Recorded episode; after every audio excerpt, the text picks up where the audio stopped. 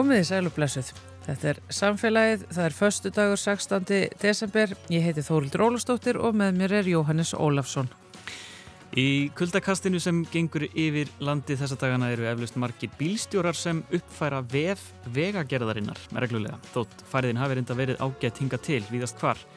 En það þarf einhver að sjá um að uppfæra þessi gögn, fylgjast með, eftirlitsbílar vegagerðarinnar, keira um gutur og vegi um allt land og mæla veggripið. Við ætlum að fara á hálku rúndin hér á eftir. Rannsóknir á hafsbótni segja okkur mjög mikilvæga hluti um lífríki sjáar, hafströyma og umhverfisbreytingar. Einn þeirra sem sinnir þessum rannsóknum á Hárannsóknastofnunum er Steinun Hilma Ólafsdóttir og hún kemur í svo kallaða dýraspjalli til okkar í þætti dagsins og segir meðal annars frá rannsóknarleðangri á Grænlandssundi. Hafsbótnin þar getur verið mjög djúpur, þar eru fögur fjöll og djúp gil, nýjar og ógreindar og stórfurðulegar tegundir. Sem sagt, algjört himnaríki fyrir fróðlegsfúst náttúruvísita fólk. Málfarsmínútan er svo á sínum stað og í lók þáttar er sjötti þáttur örþáttaserju Þorgers Ólafssonar en í einslægi dagsins ræðir hann við skúla B. Girdal, verkefnastjóra fjölmjölanemdar, um niðurstöður rannsókna um hvernig fólk aflar sér upplýsinga. En við byrjum á hálkurúndunum.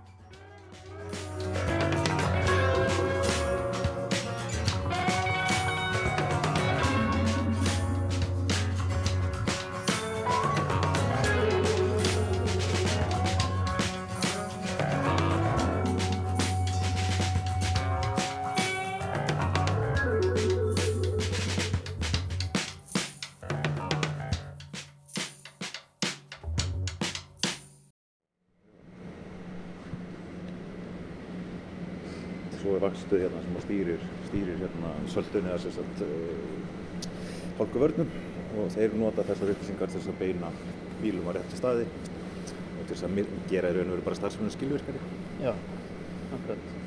sem við getum móka of miklu salti setja á rétti staði og allt þetta sko. Ég kom inn hingað í Garðabæinn, í höfustöðar vegagerðarinnar. Uh, í kuldakastinu sem nú gengur yfir þá eru örgulega margir sem að opna VF vegagerðarinnar, umferðin.is uh, til að aðtuga hvernig staðan er á vegunum okkar, hvort það sé hált eða flughált eða hálku blettir. Uh, þetta sagt, uh, þetta er allt saman mælt og hjá mér er maður sem gæti svara því hvernig það er gert. Ertu rittari gödunar? Hvernig viltu kynna þig? Við getum kallað það Andreiti Sigurgesson og vinn hjá vegagerðinni er í hérna vetraþjónust eftirliti um, ég veit ekki hvað að segja ég bara keirum, keirum götu borgarinnar og, og höfuborgarsvæðisins og, og hérna mæli og meta aðstæður og, og hjálpa vakstöðinu okkar við að, við að hérna, vera skilvirkir í hálkuvörnum og, snjómóstri. Og þú ert bara nývagnaður, þú varst að því alla nótt. Já, ég var nú reyndar ekki, ég var að í gæri en svo er ég að fara á nætuvakt núna og var svona kvíla mig fyrir það. Já. En það er bara hluti af þessu. Svona. Er þá bara, það er eftirlit allan sólarhingin? Já, já, það er eftirlit allar sólaringin. Já. Hérna á höfuborgarsvæðinu við vakstöðun er allar sólaringin og svo erum við með hérna uh, eftirlit út á landi svona eh, meira þá stilt bara með við hvernar umferðartími er og, Mm, og þjónustu stig. Þetta er, það er náttúrulega hæðist þjónustu stig hér á höfuborgarsvæðinu sem gefur auðvitað. Hvernig færið þið núna á höfuborgarsvæðinu? Er ekki Já. bara grænt? Jú, hún er mjög fín sko. Það, það er náttúrulega búið að vera hérna frost lengi og það er leiðandi þurrkur. Þannig að þurri vegir, það er, það er mjög jákvæmt. Já. En við hefum náttúrulega þurft svolítið að elda breytuna og þá þurfum við að hérna, henda salta á þetta til þess, að, til þess að forðast ís og þá kannski framlengjum við svolítið breytutíman. En þetta er alltaf góma. Og þið rúndið um bæinn og götur landsins á, á bílum sem eru útbúnir græjum sem mæla þetta allt. Hvernig, hérna, hvernig virkar þetta? Já, við hérna erum í svona, í svona þróunni og, og hérna tökum þátt í þessu að, þróa þennan búnað og, og vinna með hann. Þetta er svona, er að byrja þessi, hvað að segja, fjarskinjun. Eh, Við notum innrautt ljós sem við púlsum niður í vegviðuborðið og greinum það sem kemur tilbaka og vegum út frá þessu, sérst hver staða yfirborðsins er. Eh, Búnaður sem við notum er frá fyrirtæki sem heitir Tekkuner. Þetta er hérna finnst fyrirtæki. Þeir eru í, í framlega alls konar svona, hérna, svona fjarlæðaskinjunarbúnað og hérna og þeir eru nú ekkert einu framlegandi á, á, í þessu við, við svona erum að, að skoða ímjömsan búnað og erum núna að nota þetta frá þeim og þetta er ágætis búnað svo. Og hvernig, hvernig upplýsingar fáið úr þessu? Þið útlistað hérna, Já, hann, hva, hvað er í gangi? Já, já, hann greinir þetta í sundu sjálfur. Hann, hann gefur okkur um, hvort það sé ís til staðar og þá þykkt á ís, hvort það sé vatn til staðar, þykkt á vatni. Hann gefur okkur daggarmark, hann gefur okkur uh, veghitta, lofthitta, uh, vegviðnám og þetta er svona helstu þættinir. Daggarmark, það er mjög flott orð. Daggarmark, já, það er fallegt orð. Já.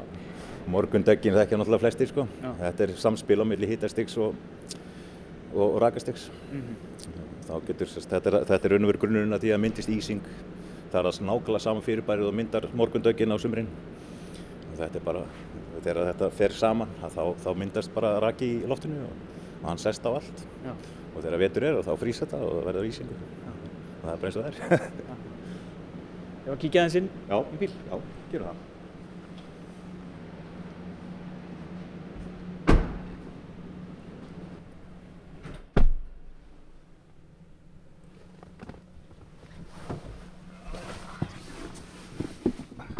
Nú er nú að fara í belti. Já, já.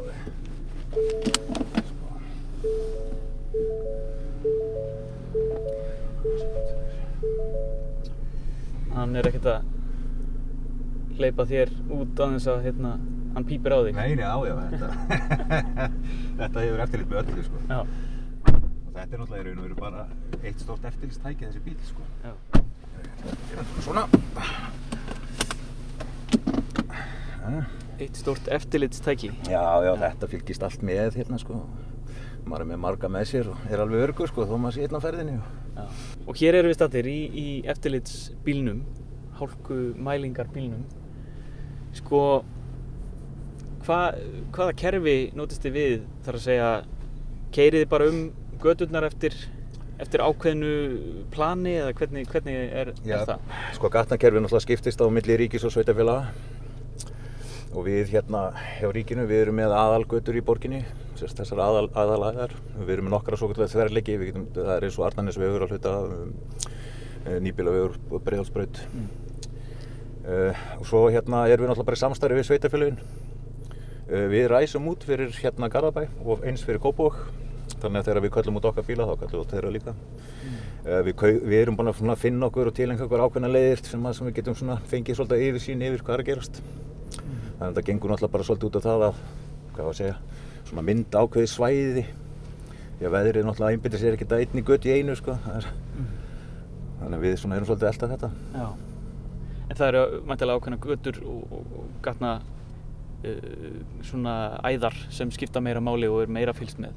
Já, það er náttúrulega umferðarþungi og umferðarhraði er náttúrulega nummer eitt sko. Við erum náttúrulega, það eru öryggið er náttúrulega það sem skiptir mestu máli. En enga síður að þá þarf þetta náttúrulega alltaf að haldast í hendur. Já.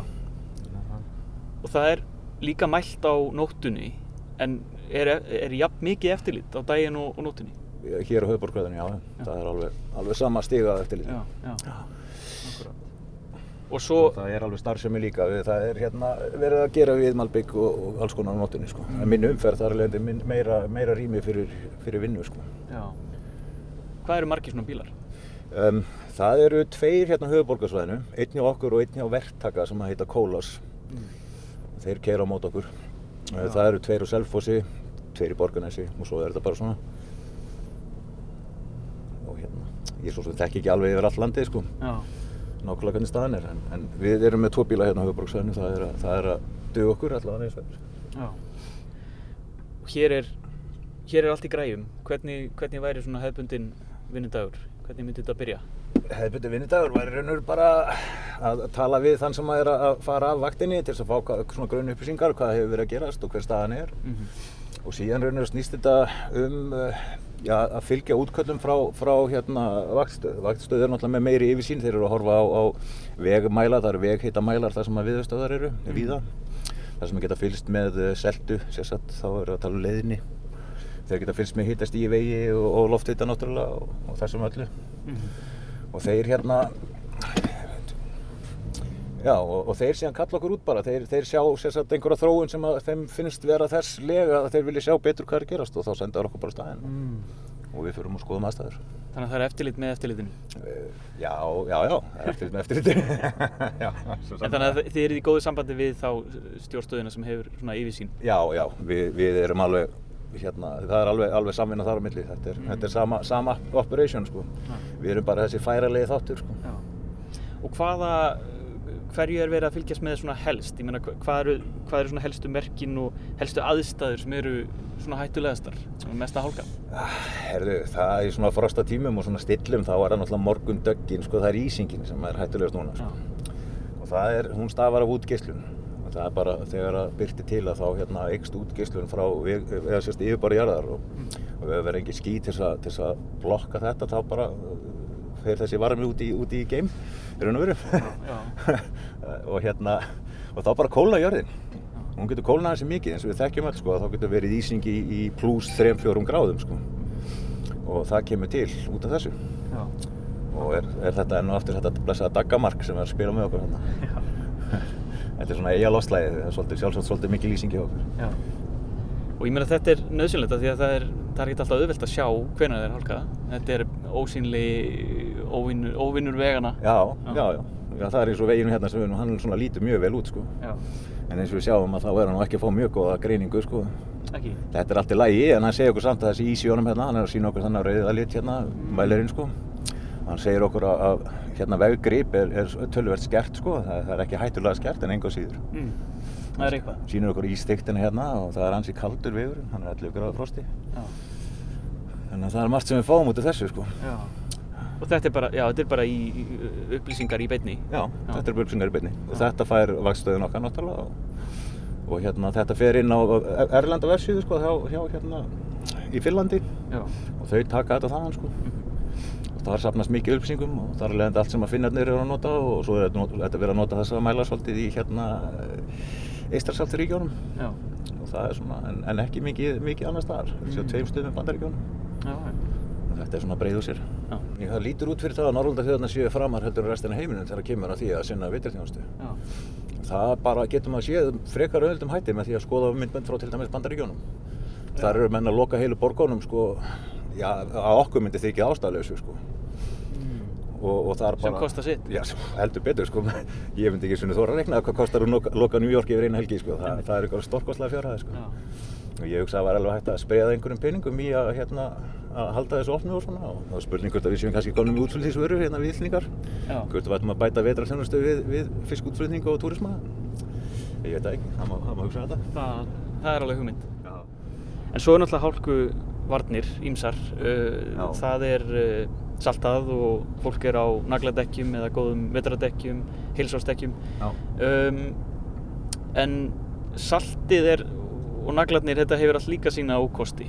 Þannig að það þarf að vera eitthvað svona í að bæja þarna. Já, já, þetta er náttúrulega, þetta er vand með farið það er engin, engin raun og veru super góð list sko. þannig að við verðum að auðsa einhver á þetta og saltið er raun og veru það sem kemur best út úr svona kostnæðagreiningu mm -hmm. Kostnæðag fyrir stopnununa samfélagið hild um, og, og við náttúrulega bara reynum að halda ís lausu en það er náttúrulega við verðum að passa okkur að reyna að hérna móka ekki meira en við þurfum En þetta er bara eins og í eldamennskunni það er bara salta í hófi? Já það er að salta í hófi, það er akkurat þannig sko það er ekki hægt að yfir salta sko. Það er ekki tekið það tilbaka? Nei, maður getur ekki tekið það tilbaka. Akkurat. Það kostar svolítið sko, þetta Já. er alltaf bæði peningu við salt og svo náttúrulega er hérna skemmt bara eðilegginga á, á bílaflótanum og eðilegginga á vegum og, og þú veist, Já. Og bara vegriðum og öllu sko, það, það, þetta er náttúrulega, þetta tærir og... Og bílarnir síðan tæra Malbyggið líka? Já, og svo, og svo það er á móti sko, þannig að þetta er æðislega symfónía sko. Vald með farið, en þetta er nú alveg þokkalegt held ég hérna hjá okkur. Já.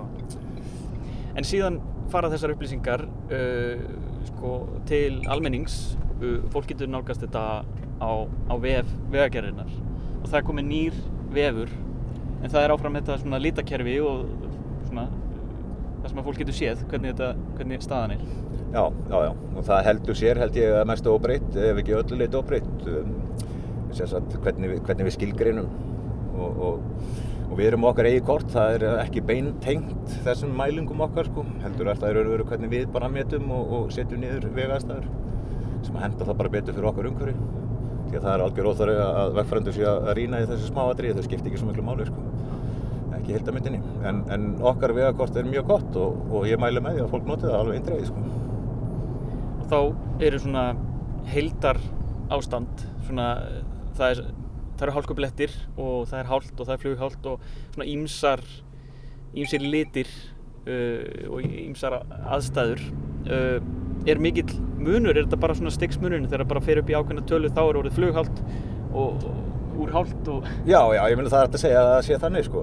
En minna aðstæður eru náttúrulega alltaf, ef við myndum bara, bara að horfa á viðnámsmælinn og, og hérna, þegar við sæjum ákveðna tölur og horfum svo kringum okkur þá var alltaf sama ástandi sko. Mm. Þannig að hann er algjörlega hérna konsistent eða, já, hann er samkvæmur sjálfur sér sko. Já. Þannig að það er ekki þannig að hann fara að bylla einhverja villisvi. maður geti alveg hort bara á mælinn og raunverulega ég keiri eftir honum sko. Já. Þannig ef ég er að velta fyrir mér, ég er að keira nótti til einhver staðar, fyrir utan borginni eða eitthvað sko, þá, þá er ég ekkert smeykur um að lenda hólskubletti eitthvað ef að mælirinn er að segja mér annað sko. -hmm. Þannig að þetta er alveg það góðu búnaður sko. Einmitt, þú náttúrulega, þú ert brautirjandinn, þú ert fyrstur á, mælirinn er á eftir þér, mæl, en, en hérna, þannig að þú, þú getur auðvitað lendi í blettónum og hálkunni. Já, jújú, jú, en, en það er einhver stífið þannig að það er sjaldan sem að viðraðstæði bjóð okkur upp á eitthvað svona algjört surprise. Þá er ég að meina það að, að veðrið fókusar ekkert á bara einhverja tíu metra, vegmetra sko. Veist, það er yfirlega einhvers konar hildar mynd og þá byrjar að sjá breytingar á það og fyrir að sjá þetta versta sko. Það er yfirlega einhvers konar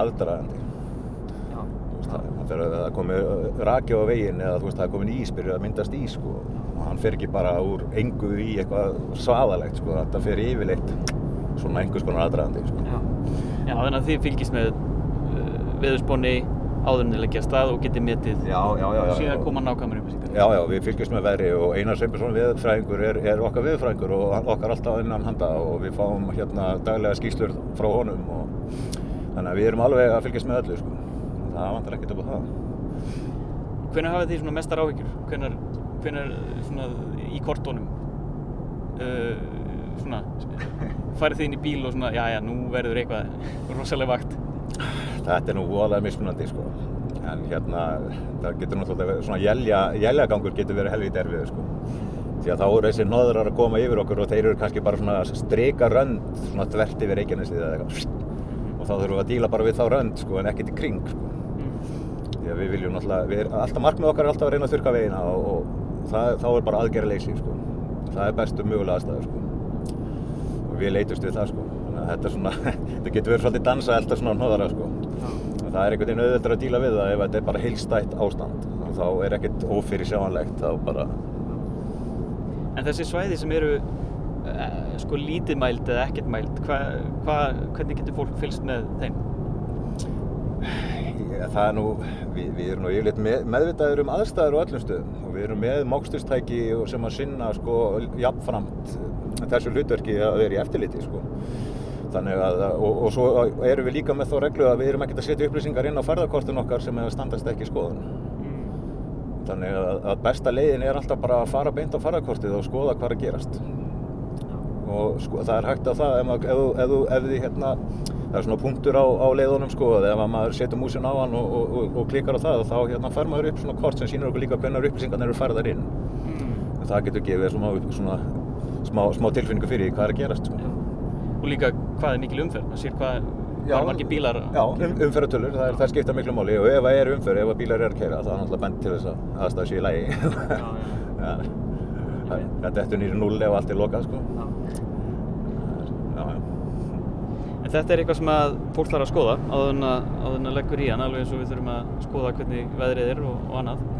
Um, ég held að ég hleypiði bara aftur á, á vaktina að, að hérna, tryggja öryggi vegfærenda Takk fyrir þetta Andri, ja, takk fyrir rútin Velkomin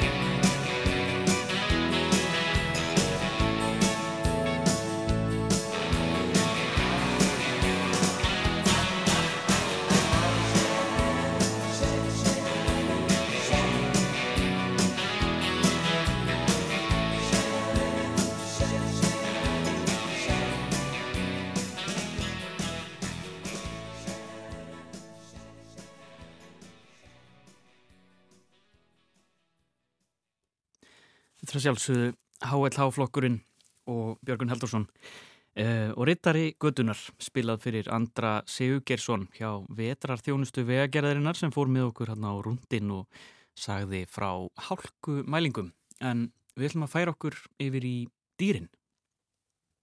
Þá komið að dýraspjallinu hérna hjá okkur í samfélaginu. Þetta er eh, yfirskrift á föstum lið hjá okkur þar sem við fáum aðeins að eh, rýna í störf okkar helsta náttúruvísinda fólks. Fræðist þessum hvað þau eru að gera, um, hvort þau eru að rannsaka eitthvað sérstakt, skoða eitthvað sérstakt, hafa verið að upplifa eða sjá eitthvað sérstakt. Okkur finnst svolítið að það fylgi starfinu í náttúruvísindunum. Það er alltaf eitthvað skemmtilegt í gangi hjá þeim. Og þessu sinni er gestur okkar steinun Hilma Ólafstóttir. Hún er sjáarlífræðingur hjá Havró. Sælverstu steinun. Sæl, sæl. Eh, hvað er þitt sérsvið? Um, já, mitt sérsvið er í rauninni rannsóknir á lífriki sjáarbótsins. Sem sagt, þau kallast stundum bóttýr. Uh, þar sem við erum að skoða já, kortleggja þessi dýr, mm. kortleggja búsvæðara, tegundagreina þau, sjá hvaða hérna, lífur við höfum hér við landið og já, er einnig allt sem við kemur bótt dýrum. Já, sko, er, er við mikið að nýta bóttir eh, af hafsbótni? Um, við nýtum sumar tegundir sem við myndum teljast bóttir en það eru þá svona sögð kallega nýtja tegundir sem er eins og rækjan og humarinn, ígulker og, og sæbjúi en, en staðistur hlutin hann er ekki nýttur. Nei, en þetta er hins vegar sko náttúrulega mikil undirstaða lífrikisins í hafinu. Gríðarlega mikil undirstaða, já. já. Og hérna við landi eru öruglega hátt í 3000 tegundir sko sem að svona við sirka vitum um en það er alveg fullt sem við sjálfsagt vitum ekki um. Og það er einmitt þetta sem við vitum ekki um sem að mér finnst svolítið vera með þína sérfræðigreina að vera sérfræðingur í, í sjáarbótninum. Það er næstuði pínlítið eins og vera geimfari af því að sjáarbótnin er eitthvað sem við komumst ekkert alltaf á. Hann getur nefnilega einmitt verið svo afskaplega djúft. Nákvæmlega og hérna og einmitt eins og í kortlegningum þá höfum við svolítið verið á dýpri svæðum minna kannski í grunnsæfinu. Já og þá ertu komin á svæði sem að einmitt, við höfum ekki skoðað áður. Þannig að hversin sem að við förum einhvert nýjan stað þá eiginlega erum við að skoða eitthvað í fyrsta sinn. Já. og lífrikið þarna er minna þekkt heldur en á grunnsæfinu þannig að hérna, já þetta er opaslega spennandi. Mann alltaf sér aldrei neitt, sko mann sé bara yfirborð hafsins, þannig að við sendum alltaf niður marra myndavelar til að skoða fyrir okkur. En er þetta þá ekki alltaf að verða meira og meira spennandi sem svona sérfræðigrein innan fagsins af því að sko við erum alltaf að koma stýpra, við erum alltaf að fá að skoða meira og meira. Þannig að þú ert líklega sko af öllum á hafró svona líklegust til þess að ég vil að sjá einhverja nýjar tegundir, er það ekki? Um, jú, má kannski segja það, við til dæmis á nýjan tegund við Ísland, ekki nýja tegund samt sko sem slíka er nýja tegund við Ísland núni fyrir sumar þannig að það kemur annarslega fyrir að við, munum, að við sjáum nýjar tegundir og þetta var sagt, ekki, þetta var hérna svartkórall sem er ekki það lítil þannig að hérna maður þarf samt myndavel til að finna hann og Já. hann er á yfir þúsund, um þúsund metra dýpi Á þúsund metra dýpi? Þetta er, sko, erum við alltaf að fara dýbra og dýbra þegar í þessum rannsóknleðangrum? Um, við höfum svona, það takmarkar okkur soldið hvað við komumst djúft, hvað tækjan okkar komast Þannig að hérna, en, en við komumst, já, niður á um, um, um þúsund metra. Já. Sko, bara aðeins fyrir hlustundur er mitt að átta sig betur á því hvernig það er að vera sérfæðingur í hásbótninum. Ég veit að þú farið í svona meira rannsóknar leiðangra þar sem að er bara svona eh, unnið á ákveðin hátt og þú fórst í fyrra, er það ekki?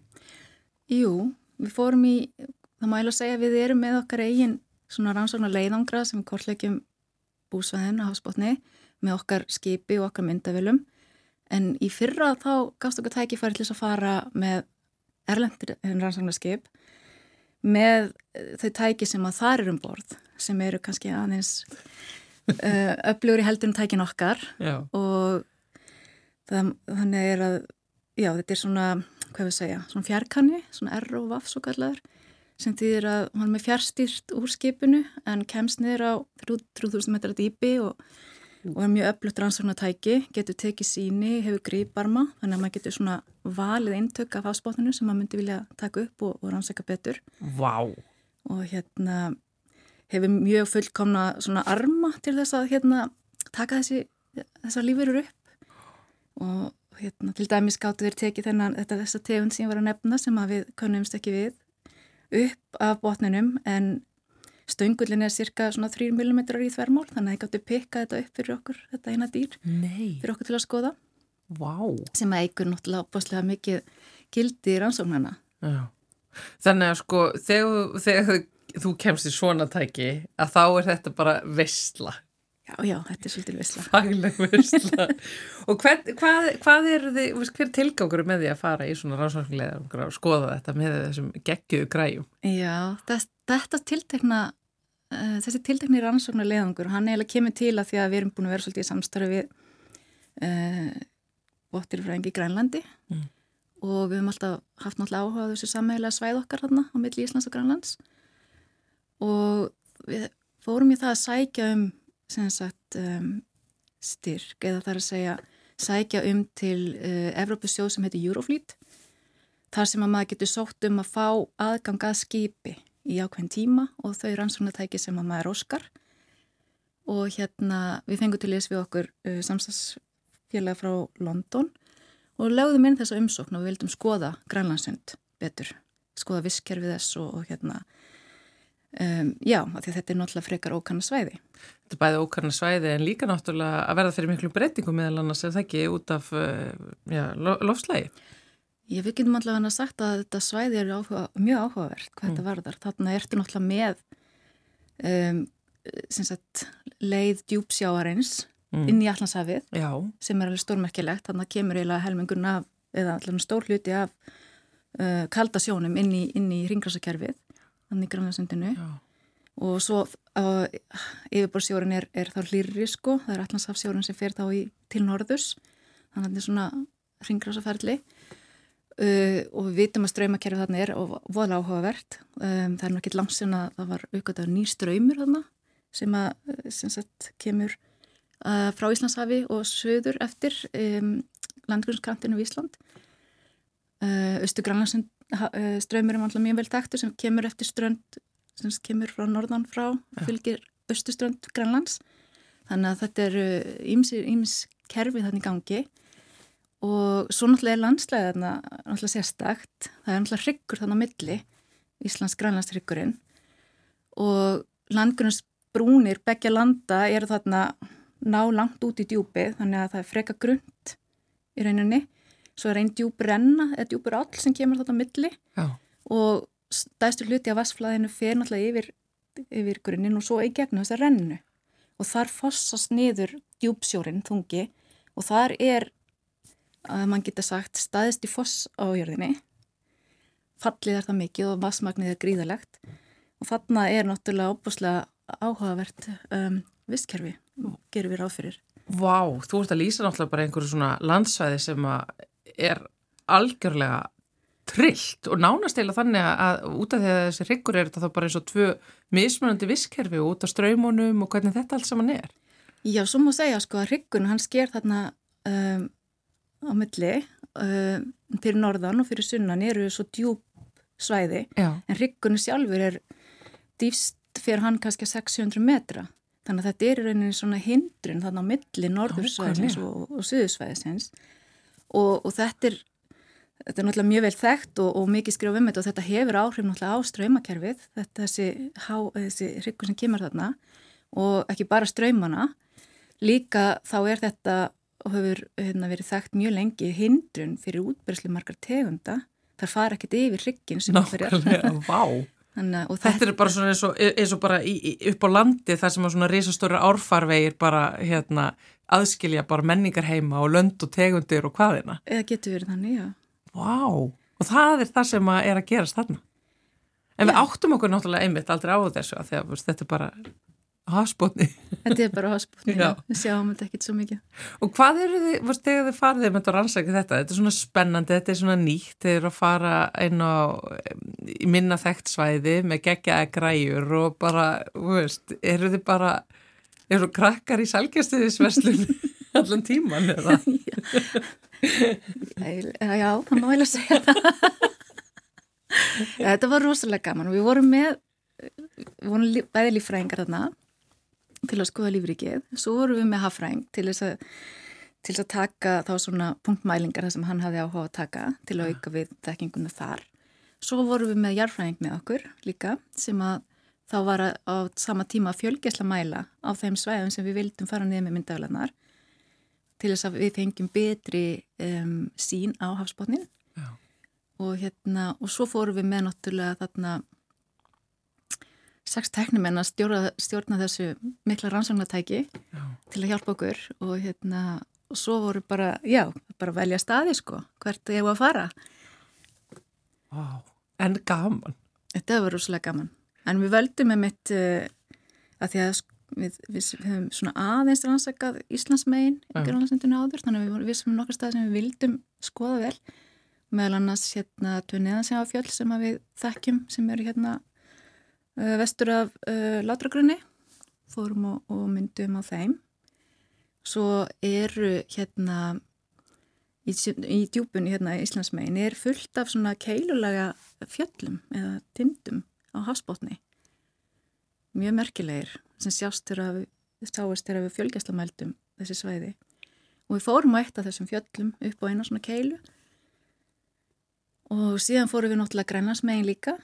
Skoðum hérna hvað er hinu megin við grænlandsundið. Um, en svo gerðum við tilrænið til þess að fara í miðjuna á grænlandsundinu en, en hérna ströymurinn kemur frá þessum djúpsjóð sem ég talaði um áðan. Hann er það mikill að þeir gátt ekki farið niður með myndavélina það, það, það ströymur hefði bara gerur svo bara burt? Já, þeir voru rættir með myndi ekki ná myndavélina inn aftur. Já, og þannig að ja, þessi fossar neðan sjáur fossar eru stór hættuleg Greinilega. Sko það, það er aðtæklusverðið að tala við þig að þetta er svona nánast eins og að tala við manneski sem að er í útivist og er að sapna tindum og, og veist, er að kanna hálendi Íslands og einhvern veginn svona já ég fór upp á þennan tind. Þú ert að skoða fjöld sem að sko fáir vita af og, og, og fæstir sjá nokkuð tíma sko. Já, akkurat e Ertu æfintýra manneski? Er það það sem að dregur þig að hafsbótninum? Veist, er það það sem að ítti þér út í þessa sérhæfingu? Veist, í staðin fyrir að, veist, ég veit ekki, sérhæfið í þorskum?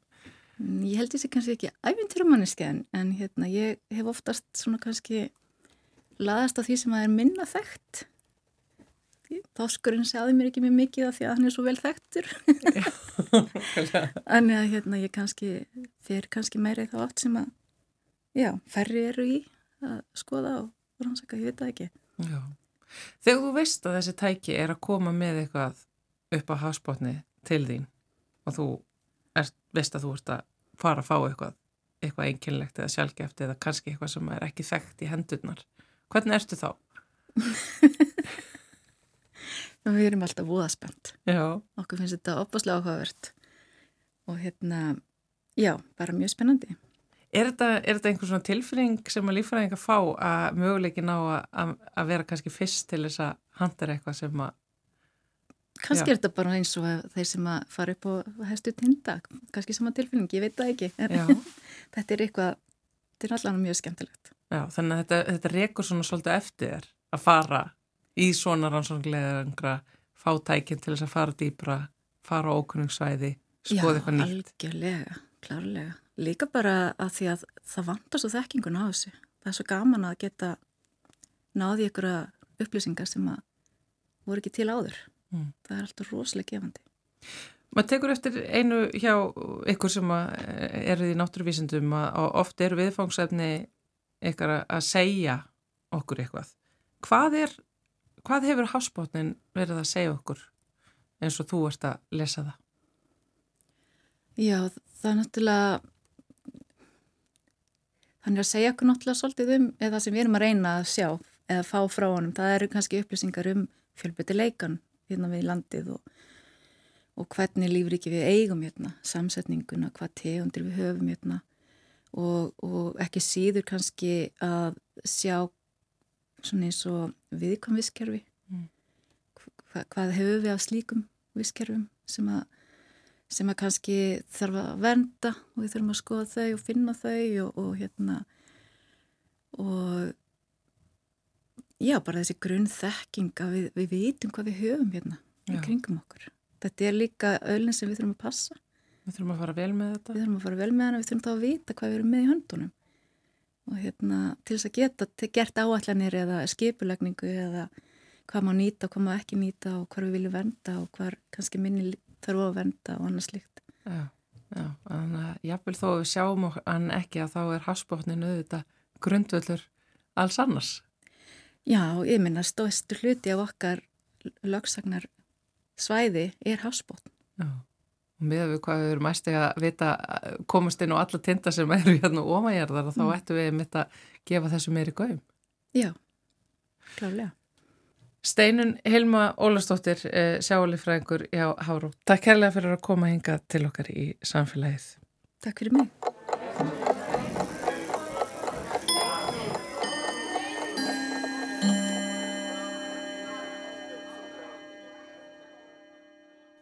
Stundum þarf að fjalla um vond orð með erfiða merkingu sem standa fyrir hluti sem erfitt er að ræða um. Þess áttar orð verða að fyrirfinnast hvort sem okkur líkar betur eða ver. Barnanýð er slíkt orð. Setni hluti þess, nýð, merkir eitt og sér, óhróður eða svívirðing. Það er til dæmis hægt að yrkja nýðvísur til að bera út óhróður um annað fólk. Merkingin er þó allt önnur í orðinu barnanýð. Þetta samsetta orð merkir kynferðslegt ofbeldi gegn barni. Orðið er myndað með hliðsjón af orðinu barnanýðingur sem er haft um fólk sem beitir barn kynferðslegu ofbeldi. Þessi orð eru sambærileg við orðin dýranýð og dýranýðingur og eru álíka ógæðfelt en því miður, enguða síður, er nöðsynlegt að eiga slík orð.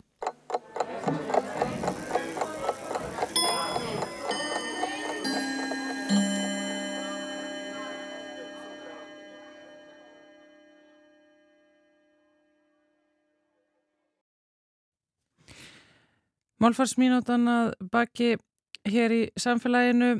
Við ætlum að eh, hleypa af stað sjötta þætti í örþáttaseríu Þorgers Ólássonar sem í dag ræðir við eh, skúla B. Girdal verkefnastjóra hjá fjölmjölanemndu niðurstu rannsóknum um hvernig fólk afla sér upplýsing og frétta. Þetta eru einslög í þáttaseríu Þorgers örþáttaseríu eins og áðursæði um eh, samfélag og samfélagsmiðla. Þú ert að hlusta á hlaðvarp frá RÚF.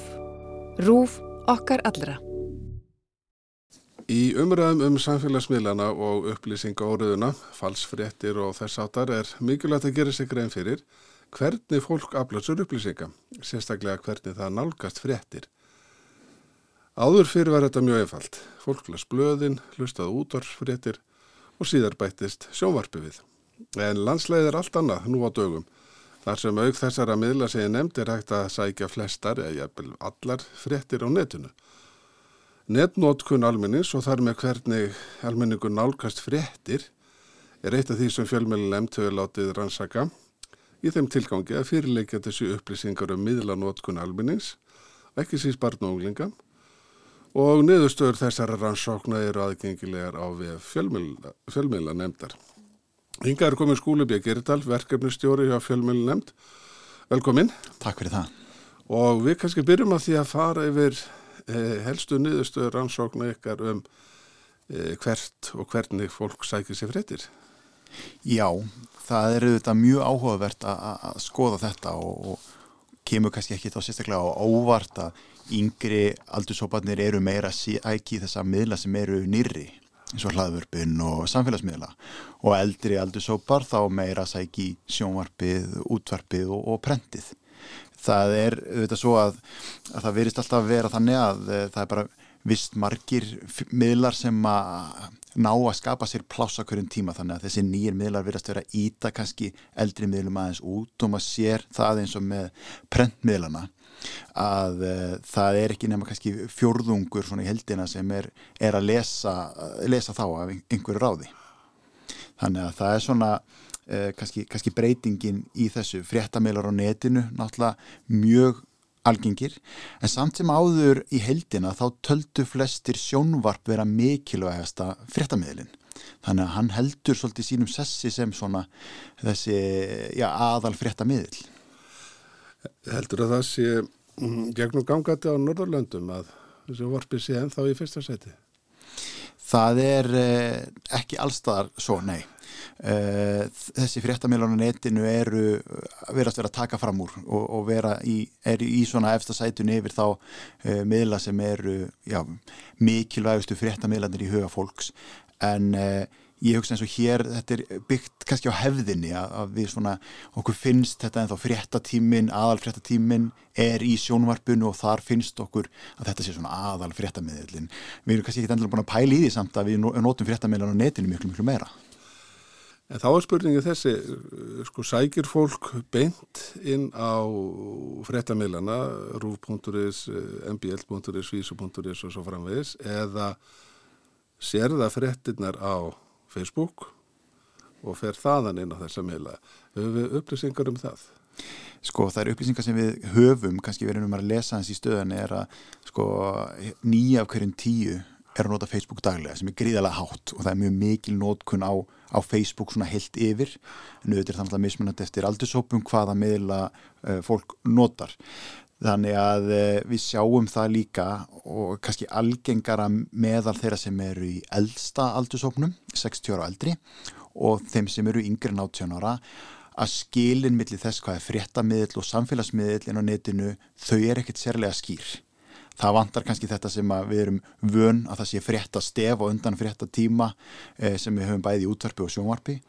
Þannig að eh, þáttakendunir virðast ekki endilega vera átt að sé kannski á því hvar þessi skil eru uh, og er að sækja sér fréttinnar af mjög stórum hluta uh, til þess, uh, er að sækja þær af mjög stórum hluta inn á samfélagsmiðlum. Tveira hverjum þremur nótuðu samfélagsmiðl til þess að nálgast fréttir. Já. En eru það, eh, er það þá þannig að þú svarar eh, könnunni þannig, já ég fór hún á samfélagsmiðla og sóti fréttur og ég svara líka, já ég fór hún á fréttamiðl á netinu. Þannig að sama fólki það nota bæða, bæða, báðar aðferðnar. Já, sama fólki er að nota báðar aðferðnar. Eh, þess vegna eru þessir báðir staðir mjög algengir. Mm. Annars vegar að leita frétta á samfélagsmiðlum og hins vegar að leita þeirra bara á fréttamiðlunum og já, ég held að þannig eru við ekki gera, gera mikinn greina mun á. Þannig að hérna, ég held það.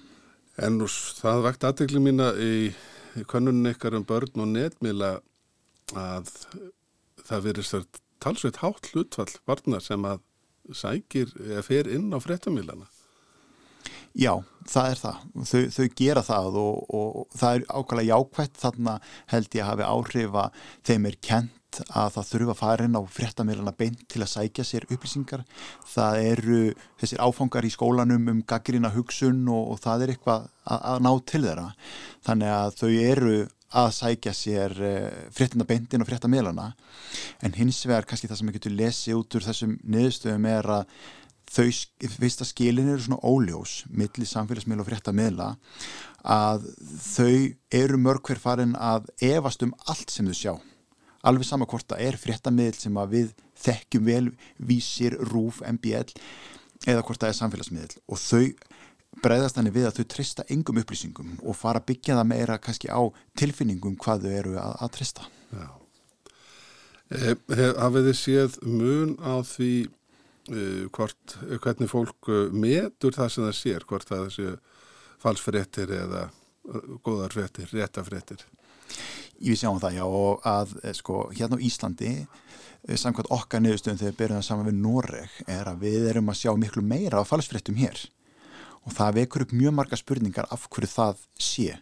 Eh, erum við svona opáslega miðla læs að við komum á þetta allt saman eða hvað er það? Og ég held að einhverjum leiti séða það að við erum að telja það sem við erum ósamála til falsfrétta til falskra upplýsinga. Hugtakaskilningurinn okkar er kannski ekki, ekki alveg svo sami á milli, milli landana þó að þessi ímislegt líkt með löndunum og við sjáum sama trend líka þegar kemur að því að finna hattur og hattursorraðunetinu að hún er miklu meiri, það eru 24% sem sjáðu á Íslandi saman við 7% í Nóri. Ég held að skilningun okkar á því hvað er hattur og hvað er falst eh, er kannski ekki alveg á samastað. En tellið þið að þetta sé einhvert samfélagsmein eh, að hversu stór hluti til þess að sjá hattursorðræði og, og falsfærittir? Ég held að sé náttúrulega auðvitað neikvægt ef við teljum okkur sjá mjög mikið af fölskum upplýsingum og hatri okkar samfélagi. Það dregur upp mjög neikvæða mynd að því að umhver okkar á samfélagsmiðlum er umhver okkar alveg eins og umhver okkar hér bara í raunveruleikanum. Þannig að já, ég held það að þetta er okkar upplifun og ef upplifun er neikvæð þá sjálfsögur þurfum að gera eitthvað, eitthvað í því. En þetta er ekki stór hópur fólks eða hvað? Eða hversu stór er hópur er heldur sem að upplifir þetta bæði hattursóraði og falsfyrirtur? Sko þetta eru, í okkar rannsón er þetta fjórðungur sem upplifir uh, hattursfull ummæli á netinu. Uh, hluta þeim hópur hefur líka dreyið sig til hljés úr umræðinni þegar ég upplifur svona mikið hattur þá vil ég ekki taka þátt og það er greiðilega vonda því þarna á umræðin sér staði í þjóðfélaginu þannig þegar ég fann að draga mig úr líðræðislegri þjóðfélagsumræðu þá er það auðvitað mjög vond og þá endur speklar umræðan á netinu ekki heldina þannig að, að líka var mjög áhugavert að sko þriðjungur taldi sig að mynda sér ránga skoðun vegna villandi upplýsinga. Og það er át, uh, áskarlega áhugavert að því að sko ef við erum að mynda okkur ránga skoðanir út frá fölskum upplýsingum uh, þá er þetta að fara að hafa áhrif á okkur beint og líka þá hvernig við tökum þátt í líðræðislegu samfélagi Já, þetta er nút aldrei sláandi tölur í raunni. Eh, helsta úrræðið sem menn koma auga á til þess að efla vitund og þekkingu fólks er í mjög skona fræðsla og það er þitt hlutverk hjá fjölmjölunend meðal annars. Eh, er hægt að ná til allra aldurshópa með einhvers konar fræðslu? Þegar stort er spurt. Manni finnst þessu oft eh, skellt fram líka við leysum þetta með fræðslu og það hljóma rosa þægilega og einfalt. Þetta er þetta martröð markasfræðingsins sem ætla að fara að ná til allra og maður verður að passa sig á því líka að ætla ekki að ná til allra með sama hætti. E, börn og ungmenni er að kljástu önnur vandamál en þeir sem eldri eru og síðan við sem erum þar á milli e, það þarf að nálgast fræðsluna á mismunandi hátt þannig að ég held að sjálfsögða að fræðsla sé mjög mikilvæg. En eh, við þurfum að, þurfum að passa okkur að kannski leggja ekki alla áherslu á það að, að fræðsla leysi allt. Og ef við ætlum að leysa með fræðslu þá þurfum við að setja tölverðan tíma og, og, hérna, og fjármagn í það. Mm. og það hefur komið fram að e, e, kannski elsti hópurinn í ykkar rannsóknum er líklegastu til þess að að eh, já, verða fyrir barðin á, á, á tölvuþrjótum og, og, og jafnvel að dreifa falsfréttum og, og þess að þar. Já, og það er einmitt líka kynslo sem elst uppi það að vita hvenna fréttatími byrjar og annars líkt og er alltið tindur þarna inn í þessum nýja heimi. Um, ég held að við þurfum að leggja klárlega áherslu á, á þennan elsta aldursóp en það sem að sér líki í rannsóninni okkar er að sá aldursópur er ekki eins viljur til þess að taka móti fræðslu og þessum yngri eru. Yngri segist að vera viljuri til þess að fara og spurja þá sem eldri eru, leita sér aðstóðar elsti aldurshópurinn eh, telur þetta kannski ekki vera vandamál og telur sér kannski vera á miklu betri stað en þau raunverulega eru. Og þess vegna er mér mikilvægt í svona könnun að spurja ekki bara á hvaða stað er kunnátaðinn ertu góður að koma auðvitað á þetta? Heldur líka að prófa það með dæmum og við, við leggjum fyrir dæmum um falsfrétti til þess að koma auðvitað á þetta. Og þar sjáum við því miður að elsti og yngsti aldurshópurinn á í erfileikum Þetta var Skúlubja Girdal sem rætti þarna við Þorger Ólason um niðurstöður rannsókna um hvernig fólk afla sér upplýsing og frétta. Þetta var sjötti þáttur í örþáttaserju Þorgers um samfélag og samfélagsmiðla. En hér rétt í blálókin á samfélaginu skulum við fá eins og eina uh, ein eitt ruslarapp.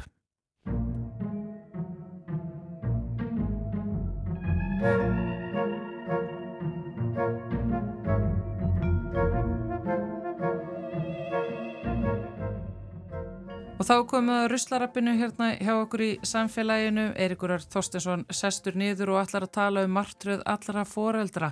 Ramags plastleikfung. Jú, það er rétt. Já, ég ætla kannski að, að nefna sko hvert, hvað við erum að gera við plastleikfung ef að það er sagt, ef að þau ganga fyrir rafmagni, ef að það er hægt að setja þau í samband, ef að það eru batteri í þeim, ef þau gefa frá sér hljóð, ljós eða ef það er reyfast þá eru þetta, þá á þetta ekki að færa með plasti, heldur er þetta ráftæki og þá þá flokkaði sem ráftæki. maður þarf ekkert að taka rafluðunar úr ef það er nokkuð sérstaklega. Jú, góður punktur. Það er gott að taka rafluðunar úr og þær eiga líka sinn farveg og þær flokkastu þetta með öðrum rafluðum. Já, rafluðunar sér leiktækið í ráftæki. Ágætis áminning fyrir uh, þreytta fóreldrar þarna úti. Takk fyrir þetta, Eirikur Þorstesson. Takk fyrir mig. Já,